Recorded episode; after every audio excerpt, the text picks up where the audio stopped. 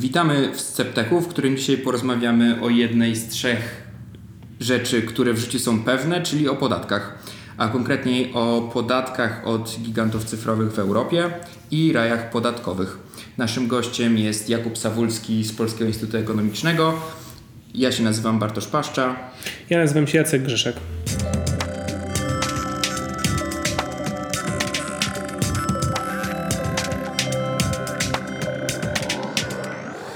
Czy mieliście, drodzy słuchacze, kiedyś tak, że cieszyliście się, jeśli ktoś nie musiał wam oddawać 14 miliardów euro?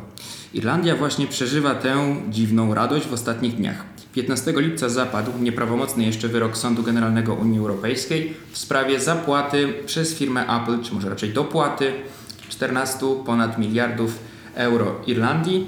E, ale może wytłumaczmy, o co w ogóle chodzi w tej sprawie. W 2016 roku Margaret Vestager po dochodzeniu Komisji Europejskiej wezwała Irlandię do odzyskania od Apple 13 miliardów niezapłaconych podatków. Powodem jest uznanie wyjątkowo korzystnego dla Apple statusu podatkowego, jaki ta firma wynegocjowała sobie w Irlandii, e, który polegał na tym, że, Irlandie, że firma Apple miała w Irlandii spółkę, ale nie była tam rezydentem podatkowym i w związku z tym realnie płaciła podatek CIT w wysokości, uwaga, tutaj się muszę skupić, bo to są promile promilów, czyli 0,0015%. Sąd Generalny nie uznał jednak argumentów Komisji Europejskiej, że tak niska stawka podatkowa jest pomocą publiczną dla firmy i uznał odwołanie firmy Apple. Firma nie musi zwracać Irlandii tych pieniędzy. To może zacznijmy od tego, dlaczego Irlandia cieszy się, że nie otrzyma tych miliardów. Bo Irlandia na tym korzysta, paradoksalnie. E, to znaczy, e, znaczna część tych zysków, proces, proces jest taki, że znaczna część tych zysków, które Apple lokuje i inne firmy, bo to przecież nie chodzi tylko o Apple, znaczna część tych zysków została wytworzona w innych państwach niż Irlandia. Czyli Irlandia ściąga do siebie, e, jak działa jak typowy raj podatkowy, ściąga do siebie zyski firm, które są wytwarzane w innych państwach Unii Europejskiej. W związku z tym te zyski, nawet jeśli opodatkowuje po bardzo niskiej stawce, to i tak korzysta na tym, dlatego że w normalnych warunkach te zyski w ogóle nie powinny być opodatkowane w Irlandii. Mm, no tak, właśnie, bo Irlandia jest jednym z krajów Unii Europejskiej, który ma najniższe stawki CIT-u, też już pomijając nawet tą specjalny status firmy Apple, specjalnie wynegocjowany dla tej wielkiej firmy. E, tak czy inaczej ma chyba drugą najniższą stawkę CIT w Europie. Holandia ma zdaje się najniższą e, i to są takie kraje, które od lat są uznawane za wewnątrzeuropejskie raje podatkowe. E, ja się zastanawiam, dlaczego nie udało się, czy zastanawiałem przed tą audycją, dlaczego nie udało nam się do tej pory nic z tym w ramach Unii Europejskiej zrobić bardziej systemowo niż, um, niż może w tym pojedynczym przypadku. Tu na wstępie tylko uwaga, że mówiłeś o podstawowych stawkach CIT. One nie mają tak wielkiego znaczenia. On mhm. rzeczywiście w Finlandii jest stosunkowo niska, ale to, to ma wtórne znaczenie, dlatego że kluczowe znaczenie ma to, jakie stawki CIT można uzyskać, jeżeli spełni się jakieś tam określone warunki. Tak jak właśnie w przypadku Apple'a. E, przecież ta stawka, e, którą Apple płaci w Irlandii jest dużo niższa niż ta stawka podstawowa. Więc nie, nie patrzmy na, pod, na podstawowe stawki CIT, bo kluczowe znaczenie ma jednak, mają regulacje wtórne wobec tej, czy, czy regulacje, inne regulacje niż ta podstawowa stawka. Natomiast dlaczego w Unii Europejskiej do tej pory nie udało się nic z tym zrobić? No, podstawowy problem w Unii Europejskiej jest taki. Rzeczywiście w Unii od poprzedniego kryzysu, w szczególności mm, tego kryzysu, który ujawnił się trochę później, czyli kryzysu finansów państwa, e, mówi się coraz więcej o tym, że trzeba lepiej ściągać podatki. W tym podatek właśnie od dochodów dużych korporacji i Parlament Europejski, Komisja Europejska bardzo intensywnie się tym problemem zajmują mm, mniej więcej od 5-7 lat. Ale do tej pory niewiele udało się zrobić, akurat w kwestii, szczególnie w przypadku właśnie opodatkowania dochodów dużych międzynarodowych firm. Przede wszystkim dlatego, że e, ustaliliśmy sobie w traktatach, że w kwestiach podatkowych w Unii Europejskiej musi być jednomyślność. Czyli, dowolne państwo może zablokować y, zmiany. Dokładnie tak, zawsze znajdzie się przynajmniej jedno państwo, takie jak Irlandia, Holandia czy, czy Luksemburg, które będzie blokowało wszelkie rozwiązania uszczelniające ten system e, podatkowy, dlatego że to będzie w interesie tego jednego kraju. Ale też z tego co wiem, e, to jest kwestia statusu poszczególnych podatków, bo e, CIT jest w żaden sposób, jak rozumiem, nie regulowany na poziomie europejskim, a na przykład VAT jest regulowany. Są minimalne stawki VAT-u, bo jak rozumiem, e, chociaż też nie jestem ekspertą od tej części, ekspertem od tej części ekonomii, ale VAT jest tym takim ogólnoeuropejskim podatkiem, z którego, na podstawie którego pobierane są jak rozumiem, składki członkowskie, tak? Dokładnie tak. VAT, VAT jest podatkiem harmonizowanym, natomiast opodatkowanie dochodów firm jest w wyłącznej gestii państw członkowskich. I to jest ciekawe o tyle, że VAT w tym momencie, drodzy słuchacze, jak spojrzycie na konstrukcję budżetu państwa, to jest dla wielu osób nieoczywiste, bo my myślimy tak, przede wszystkim tymi podatkami, które są dla nas najbardziej uciążliwe w ich e, wypełnianiu, czy jak chodzi o wypełnianie pitów, tak? Wypełnianie tych druczków e, i te coroczne zawsze chodzenie do fiskusa, już powiedzmy już nie trzeba chodzić, bo można robić to cyfrowo i dlatego jakby wiele osób myśli tak, że no, no PIT jest głównym źródłem podatku, powiedzmy drugim CIT. Jak sobie spojrzycie na źródła dochodu budżetu jest dokładnie odwrotnie. E, PIT jest trzeci, e, CIT jest czwarty, a pierwszy, pierwsza jest, pierwszy jest VAT, druga jest akcyza. No, jeśli uznamy, że akcyza jest podatkiem od konsumpcji, no to powiedzmy PIT jest drugi, a CIT trzeci, ale, ale tym większa jest większa jest nierównowaga. I teraz mam do Ciebie pytanie, czy Twoim zdaniem to wynika ten układ podatków, bo taką tezę postawiłeś na swoim fanpage'u ostatnio, że właśnie ta konkurencja podatkowa, konkurencja w CIT i to, że to nie jest w żaden sposób regulowane, ona doprowadziła właśnie do tego, że CIT stało się kompletnie nieistotnym źródłem dochodów, a VAT bardzo istotnym, bo na VAT-ie państwa nie, nie mogą, że tak powiem, konkurować niskimi stawkami. Nie wiem, czy się zgodzisz z taką tezą. Częściowo tak. Jeżeli spojrzymy na to, co działo się w podatku CIT w ostatnich 20 latach w Unii Europejskiej, to rzeczywiście widać wyraźnie, że konkurencja między państwami o kapitał doprowadziła do tego, że państwa stopniowo obniżają opodatkowanie dochodów korporacji. E, średnia stawka CIT spadła z około 35% e, na początku XXI wieku do e, prawie 20% obecnie a jeszcze niżej spadło efektywne opodatkowanie korporacji, bo ono jest ważniejsze niż, tak jak mówiłem wcześniej, ta podstawowa stawka CIT. Efektywne opodatkowanie, ono uwzględnia różnego rodzaju ulgi, zwolnienia, które są przyznawane, to to efektywne opodatkowanie spadło z 24% do 16% w ciągu ostatnich 20 lat, czyli 16% to jest średnie efektywne opodatkowanie korporacji, dochodów korporacji w Unii e, w Unii Europejskiej. I ono rzeczywiście, e, rzeczywiście maleje, no a potrzeby nasze jako społeczeństwa nie maleją. Wręcz jeżeli jest takie prawo Wagnera, które mówi o tym, że im bogaci jesteśmy, tym więcej chcemy od państwa. To znaczy, tak jak 15 czy 10 lat temu nikt w Polsce jeszcze nie mówił na przykład o tym, że państwo powinno finansować żłobki, tak teraz już stajemy się bogaci i już oczekujemy od państwa, że ono będzie finansowało żłobki. To jest prawo, które e, na historycznych danych zostało w jakimś stopniu udowodnione i funkcjonuje w ekonomii. W związku z tym nasze potrzeby to, czego oczekujemy od państwa, nie maleje, no a wkład w, w to państwo ze strony korporacji maleje. W związku z tym ktoś musi tą lukę zasypać. No i wiele państw zasypuje tą lukę wyższym opodatkowaniem pracy czy kapitału. E, przepraszam, pracy czy konsumpcji właśnie, o której wspominałeś. I teraz z pewnością jest tak, że zdecydowanie więcej dochodów moglibyśmy uzyskiwać z opodatkowania korporacji. E, że to opodatkowanie korporacji mogłoby być wyższe, gdyby ten podatek był właśnie harmonizowany, gdyby nie było możliwości unikania opodatkowania, e, przenoszenia zysków do rajów podatkowych, moglibyśmy uzyskiwać zdecydowanie większe dochody. E, natomiast tutaj nawiążę do tego, o czym mówiłeś, pewnie nie bylibyśmy w stanie uzyskiwać z opodatkowania korporacji tak wysokich dochodów jak z VAT-u, mimo wszystko, dlatego że musimy patrzeć, co jest bazą podatkową. Bazą mhm. podatkową dla VAT-u jest cała konsumpcja, mhm. to jest bardzo duży agregat ekonomiczny, a bazą dla y, opodatkowania dla CIT są y, dochody korporacji mhm. wyłącznie, dużych, dużych firm, czyli znacznie mniejszy jednak agregat niż, y, niż konsumpcja. W związku z tym tak, moglibyśmy zdecydowanie więcej pieniędzy uzyskiwać z CIT, ale na pewno nie tyle co z VAT. Ja jeszcze chciałem Jacku Ciebie dopytać, bo, bo rozmawialiśmy przed, przed nagraniem. E, Ty przypatrywałeś się tej argumentacji, którą Komisja Europejska zastosowała w sprawie Apple. I może przybliżysz, dlaczego, na czym ona polegała i czy nie jest przypadkiem ona trochę powodem do, do To- nieuznania tej Tak jak, tak, tak jak ja y, czytałem na ten temat, y, aczkolwiek to też no, wchodzimy na bardzo skomplikowane rejony prawa podatkowego, w, w, w, które, które są rzeczywiście zrozumiałe, myślę, że dla wąskiej grupy ekspertów. Ale tak jak rozumiem argumentację, argumentację sądu unijnego, to tak linia, którą przyjęła Komisja Europejska, ona była dosyć wyjątkowa i e, niestosowana do, do, do tej pory w podobnych sprawach.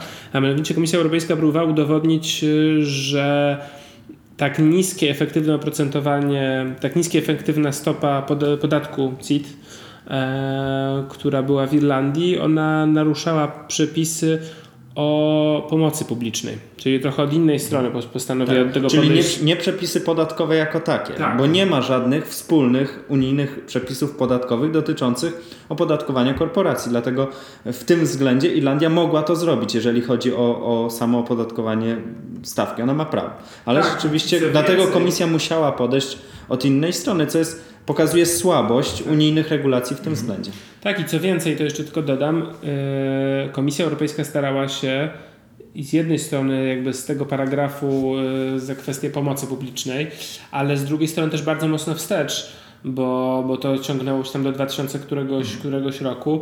E, i tu też jest, e, e, jak rozumiem, nawiązaniem tam było, nie wiem czy ty też Kuba to, to, to śledziłeś bardziej, ale, ale były jakieś zmiany przepisów tam szczegółowych dotyczących pomocy publicznej, ale one też zostały potraktowane mocno wstecz. Jak rozumiem, te dwie kwestie połączone ze sobą sprawiły, że no, inny wyrok sądu byłby byłby dosyć dziwny od strony prawnej, mimo że dla nas, rzeczywiście dla, dla, dla zwykłych obywateli Unii Europejskiej, wydaje się dosyć szokująca sytuacja, w której można powiedzieć, że najwyższe organa em, e, sprawiedliwości un- unijne stwierdzają, że, no, że Apple tak zapłacił i nie ma nic z tym złego. No tak jak Kuba mówi, takie są regulacje. Dokładnie, z punktu widzenia prawa unijnego Irlandia po prostu mogła to zrobić.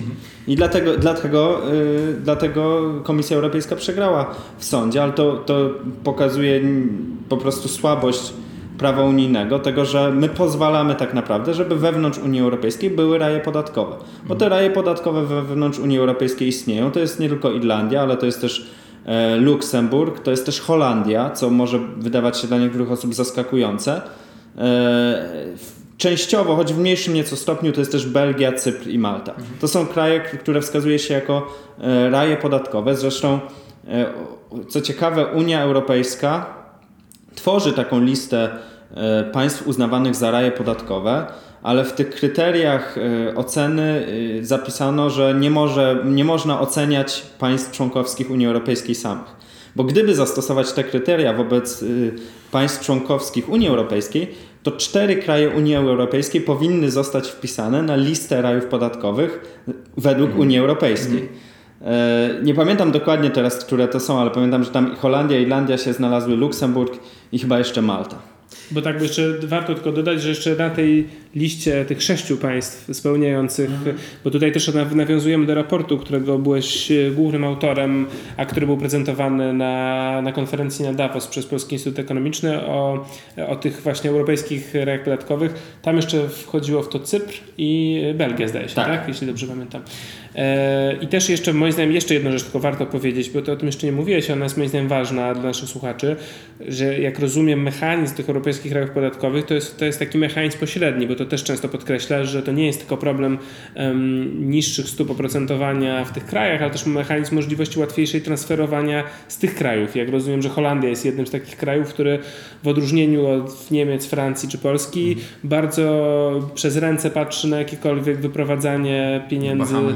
Na Bahamy i na takie państwa, które już są jednoznacznie podejrzane. Zdecydowanie tak. Y, Irlandia czy Holandia to w, w tym ich funkcjonowaniu jako raju podatkowe chodzi nie tylko o to, że one e, same e, zabierają jakby dochody innym państwom Unii Europejskiej, ale że one też pozwalają na to, żeby y, międzynarodowe korporacje transferowały swoje zyski do tych tradycyjnych rajów podatkowych typu Bermudy czy Kajmany. Bo jak my myślimy generalnie o rajach podatkowych, wydaje mi się, że większość ludzi myśli właśnie o Bermudach, Bahamach, a do głowy im nie przyjdzie, że to chodzi o Holandię czy Irlandię.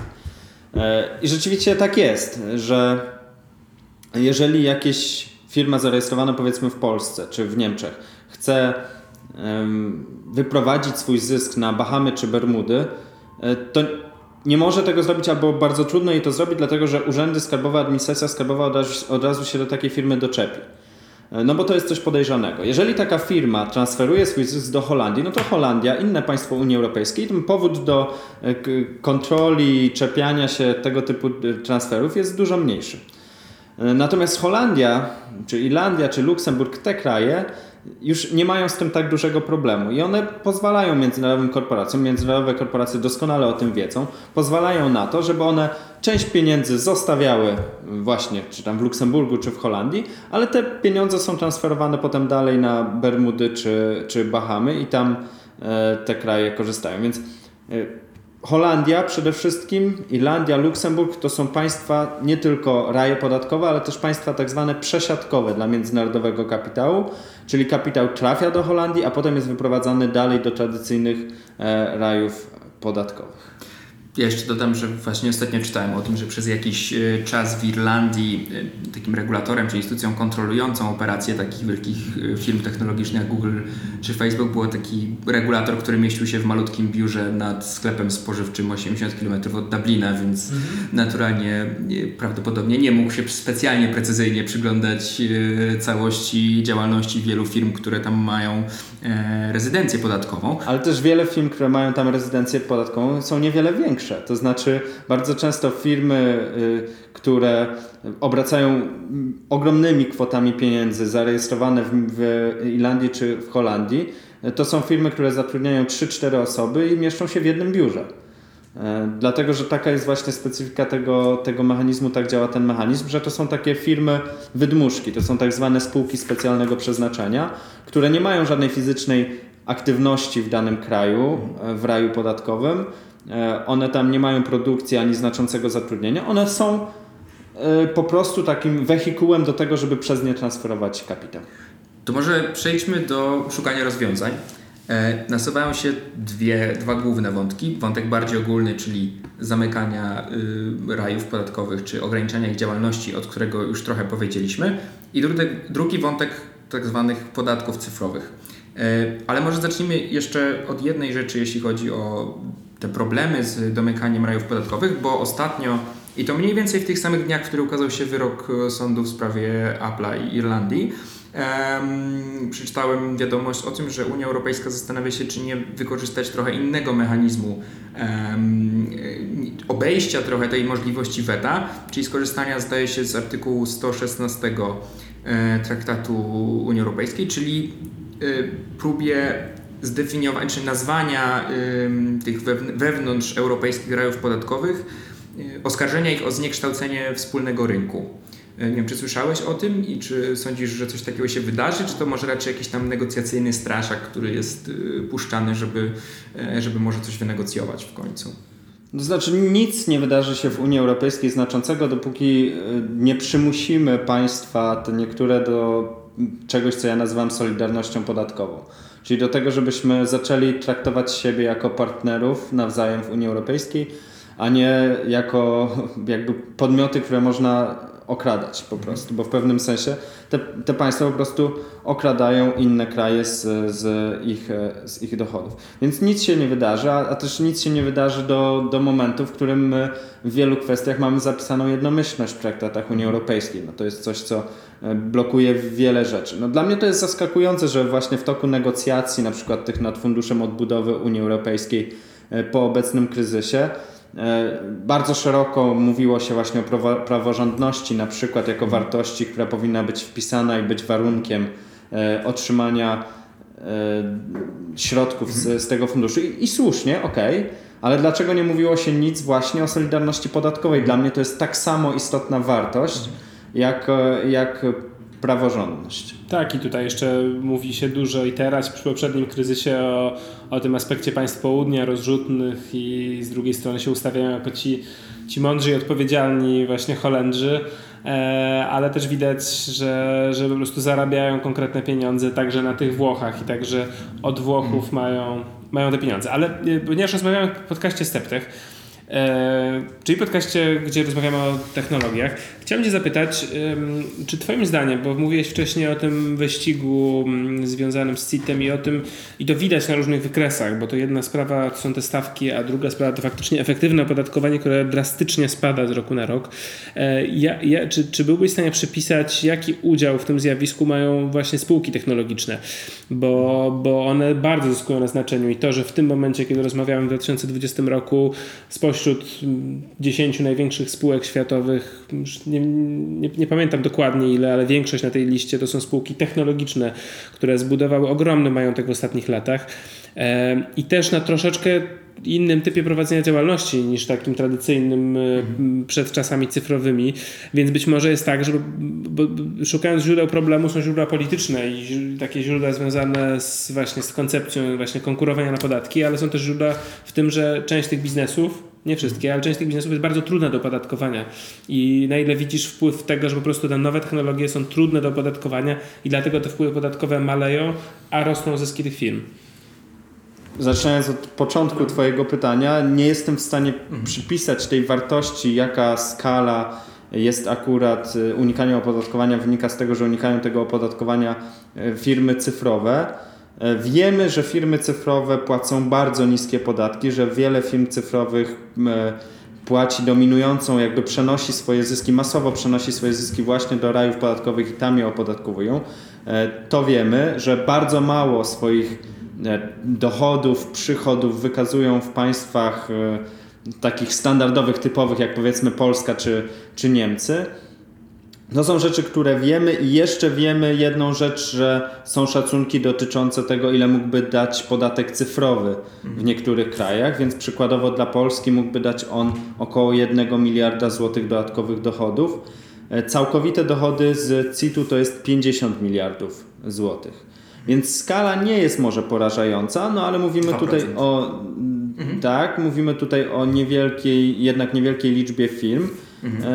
I jeżeli rozłożylibyśmy to na tą niewielką liczbę firm, e, to środki, które można z tych firm, czy należy od tych firm e, wyciągnąć, są spore. Dlaczego mówię należy wyciągnąć? Bo nie chodzi o to, żeby firmy obdzierać z ich pieniędzy. Chodzi o to, żeby firmy, które działają tutaj, na przykład na terytorium Polski, korzystają z tej infrastruktury prawnej, z siły roboczej, która jest tutaj w Polsce, żeby one po prostu miały adekwatny wkład w tą społeczność, w, której, funkcjonują. To wyłącznie o to chodzi. W tej chwili tego wkładu nie mają, bo jeżeli spojrzymy na na przykład kwotę przychodów Google'a, które wykazuje w Polsce, to one są śmiesznie małe w porównaniu do tego, jaki, jaką część rynku marketingowego, rynku reklamy Google w Polsce, w Polsce ma. Mhm. Więc to jest jedna rzecz. Druga rzecz, e, o którą o którą pytałeś, to czy da się to zrobić w ogóle? To znaczy, czy można tych, te cyfrowe firmy opodatkować w jakimś stopniu i na czym polega tutaj problem? No podstawowy problem polega na tym, że e, w znacznym stopniu, żeby opodatkować firmy działające w świecie cyfrowym, to trzeba by było postawić granice w internecie. To znaczy powiedzieć, że to jest polska część internetu, to jest niemiecka część internetu, a to jest amerykańska część internetu. I wtedy możemy opodatkować wtedy Polska może zażądać podatków od tej części internetu, a Niemcy od, te, od tamtej i tak dalej. E, I to jest strasznie trudne do zrobienia. I dlatego też z, tego, z tego powodu, że sieć internet, jak nawet nazwa wskazuje, to jest sieć globalna, E, z tego też powodu firmom, tym gigantom cyfrowym, firmom cyfrowym bardzo łatwo ulokować przychody, dochody w tym miejscu, w którym one po prostu chcą. A w którym miejscu chcą? No chcą na Bahamach, na Bermudach i w, i w tych miejscach, bo tam te podatki są skrajnie niskie. Czy w Irlandii, gdzie Apple płaci e, jakiś promil swoich dochodów. No właśnie, a ostatnio w maju ukazała się taka publikacja Podatek cyfrowy od gigantów w think tanku Instrat E, i oni próbowali to analizować. Zresztą ciekawie pokazują, jak w różnych krajach Europy są, jak wyglądają różne inicjatywy wprowadzenia tego podatku. I moją intuicją było dokładnie to, co się tutaj, co tutaj e, powiedzieliście, czyli że strasznie trudno w internecie przypisać lokalizację, ale autorzy i autorka e, raportu przekonują, że właściwie w ramach prac wewnątrz Unii Europejskiej został opracowany taki model podatku, który oczywiście nie został wprowadzony na poziomie unijnym, ale e, chociażby Francja, Hiszpania i Czechy już go wprowadzają w ramach swoich narodowych regulacji.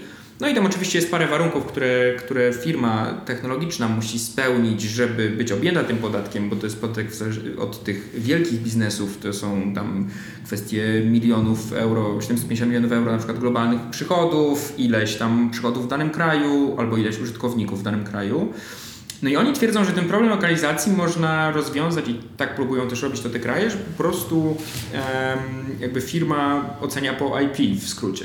Um, to znaczy reklamo, firma czy osoba fizyczna zlecająca reklamę um, no loguje się z jakiegoś IP w, w, do swojego konta w danym serwisie i to jest liczone jako, jako ten odsetek przychodów liczonych yy, krajowo. Czy to jest w ogóle jakiś realny scenariusz i czy takie eksperymenty uważasz mogą się faktycznie powieść, czy to jest na razie taka jedyna metoda po prostu liczenia, która została zaakceptowana, bo coś trzeba przyjąć przecież?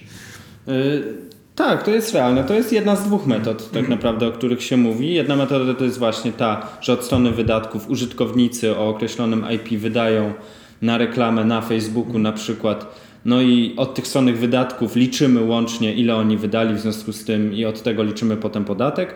E, druga metoda to jest e, od strony kontroli firmy, na przykład powiedzmy znów Facebooka, która, e, której użytkownikowi wyświetliła się określona reklama i powinniśmy tą reklamę wyceniać, ile ona jest warta. No i wtedy niezbędny byłby oczywiście Facebook czy Google musi to e, gromadzić te dane na, na temat tego typu wyświetleń. No i musielibyśmy uzyskać wtedy, konieczne było prawne uzyskanie dostępu do tego typu danych i w ten sposób wycena e, przychodów albo dochodów firmy w danej lokalizacji, w danym państwie. Więc tak, jest to możliwe i podatek cyfrowy jest wprowadzany na poziomie, tak jak wspomniałeś, kilku państw. No natomiast on im bardziej będzie globalny, tym będzie skuteczniejszy. Mhm. Tak? To znaczy, e, być może ścieżka jest taka, że będą wprowadzały go kolejne państwa, no bo znów pojawia się ten sam problem, o którym mówiłem wcześniej. Nie będziemy mieli rozwiązania globalnego, na przykład na poziomie Unii Europejskiej nawet, e, dopóki nie zgodzą się na nie wszystkie państwa Unii Europejskiej, no a trudno oczekiwać, czy oczekiwać tak, ale trudno spodziewać się, żeby Irlandia się na takie coś zgodziła. W związku z tym no, wprowadzają, będą wprowadzały go prawdopodobnie kolejne państwa Unii Europejskiej pojedynczo, to będzie średnio skuteczne, ale być może dojdziemy do etapu, w którym będzie ten podatek obowiązywał, strzelam, w 15 na 27 państw Unii Europejskiej i wtedy już wszyscy stwierdzą, no dobra, on i tak już funkcjonuje, więc może rzeczywiście wprowadźmy go na poziomie Unii Europejskiej. Być może tędy jest e, droga, bo wydaje mi się, że droga od drugiej strony, czyli od razu wprowadzenie tego na poziomie całej Unii Europejskiej, jest jeszcze daleka przed nami. Tak, chyba ten problem samych rajów podatkowych pokazuje, jak trudne jest ustalenie tak wydawałoby się podstawowej kwestii jakiejś zgodności, więc w przypadku nałożenia nowego podatku jeszcze przy presji Stanów Zjednoczonych, bo też trzeba powiedzieć, że w Polsce e, no w Polsce są ciekawe próby podchodzenia do tego podatku cyfrowego przy których zawsze jakoś tam tupnie nóżką mniej lub bardziej ambasador amerykańska i, i wtedy rząd, rząd się kuli i mówi, że, że w takim razie my to jeszcze my to jeszcze odłożymy, może później, może ACD i tak dalej. E, więc tym bardziej się ciężko mi uwierzyć w to, że to miałoby się miało się odbyć tak gładko dla wspólnotowo. E, ja chciałem, to, to może mniej pytania, bardziej przemyślenia, bo mam wrażenie, że tutaj my się zderzamy ostatecznie z z całym problemem tego nazwania i zrozumienia tych modeli biznesowych nowych, cyfrowych. I że w przypadku Apple jest akurat o tyle, od którego wychodzimy z tą dzisiejszą dyskusją, specyficzną firmą, że on jest bardzo klasyczny w swoich głównych źródłach przychodów. To jest jednak firma produkcyjna. Tak, to jest firma, która produkuje, produkuje z, ma zdecydowaną większość przychodów e, po- po- pochodzących z, z produkcji sprzętu komputerowego e, czy tam telefonicznego, więc jest to może być trochę klasyczna spółka, ale już przy Google czy Facebooku, których dochody prawie w całości, w przypadku Facebooka jest to prawie 100%, w przypadku Google'a ponad 80%, których dochody pochodzą z reklam dostarczanych użytkownikom, którzy de facto stanowią takich klientów, konsumentów, ale jednocześnie oni wcale za to nie płacą. Trochę są, znaczy, no jakby sami wiemy z różnych tych dyskusji, e, w których uczestniczymy, że to jest bardzo trudno przyporządkować takich klasycznych modeli biznesowych, więc od nazwania i zrozumienia tych modeli trochę zależy to, jak my to oczywiście opodatkujemy. E, Bo tak jak mówiliście o tych metodach różnych, w jaki sposób tam można wyłapywać, czy to IP ruch użytkowników, czy to właśnie opłacane reklamy w różnych krajach, e, to mamy też do czynienia z tym, że faktycznie współ, współpraca i ten łańcuch, łańcuch wartości jest tak bywa skomplikowany przy, przy, przy korzystaniu, tak? bo to też jest pytanie o to, na ile na przykład, czy dane użytkowników, ale jakby gdzie dane zyskują wartość, czy dane mają wartość same w sobie, czy dane zyskują wartość dzięki temu, że przetwarza je firma, która wypracowała algorytmy, no ale można powiedzieć, że algorytmy wypracowali geniusze w Dolinie Krzemowej, więc to w Dolinie Krzemowej oni powinni płacić. Mhm. Słucham? Że tam powinien być zaksięgowany przychód. Tak, no i to jest właśnie to, jest to pytanie, no bo dy, dy, m- to jest moim zdaniem ta dyskusja kluczowa o danych, w to, w to wszystko wchodzi.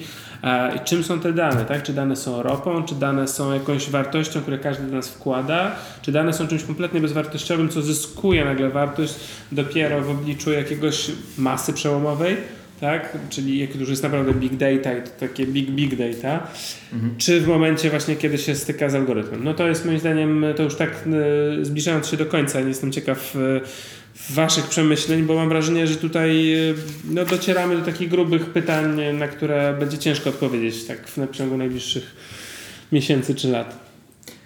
Ja, szczerze mówiąc, nie jestem przekonany, że to jest aż tak trudna kwestia. Znaczy, oczywiście sam mechanizm i modele biznesowe, gdzie tam się tworzy wartość, to faktycznie nie jest y, proste. E, natomiast w przypadku Apple'a, jeszcze wracając do tego, to oczywiście jest firma, która głównie sprzedaje sprzęt, ale pamiętajmy też, że ma sklep z aplikacjami, który właściwie jest też znaczącym źródłem ich przychodów. Podejrzewam, że nie dominującym, szczerze mówiąc tego nie sprawdzałem, ale, ale jest to... W tygodniku spójne. gospodarczym ostatnim e, jest właśnie moja analiza, gdzie tam zebrałem z, z raportu Mozilla zeszłorocznego, e, tam z tego co pamiętam 60-70% dochodów to było ze sprzedaży. Przychodów, przychodów. No właśnie, to też Bo pytanie, sprzedaży zysk, sprzętu. no nie? W sensie tam de A to też jest pytanie. duży zysk, tam wybrałem 30% każdej No transakcji, więc no ale dobrze, nie, nie wchodząc w Apple to na pewno jest dużo prostszy przypadek. Jeśli chodzi o dane, bo to jest oczywiście odwieczna dyskusja, najpierw dane nazywano ropą, potem powietrzem, y, pewnie zaraz wyjdziemy z tymi alegoriami w przestrzeń kosmiczną.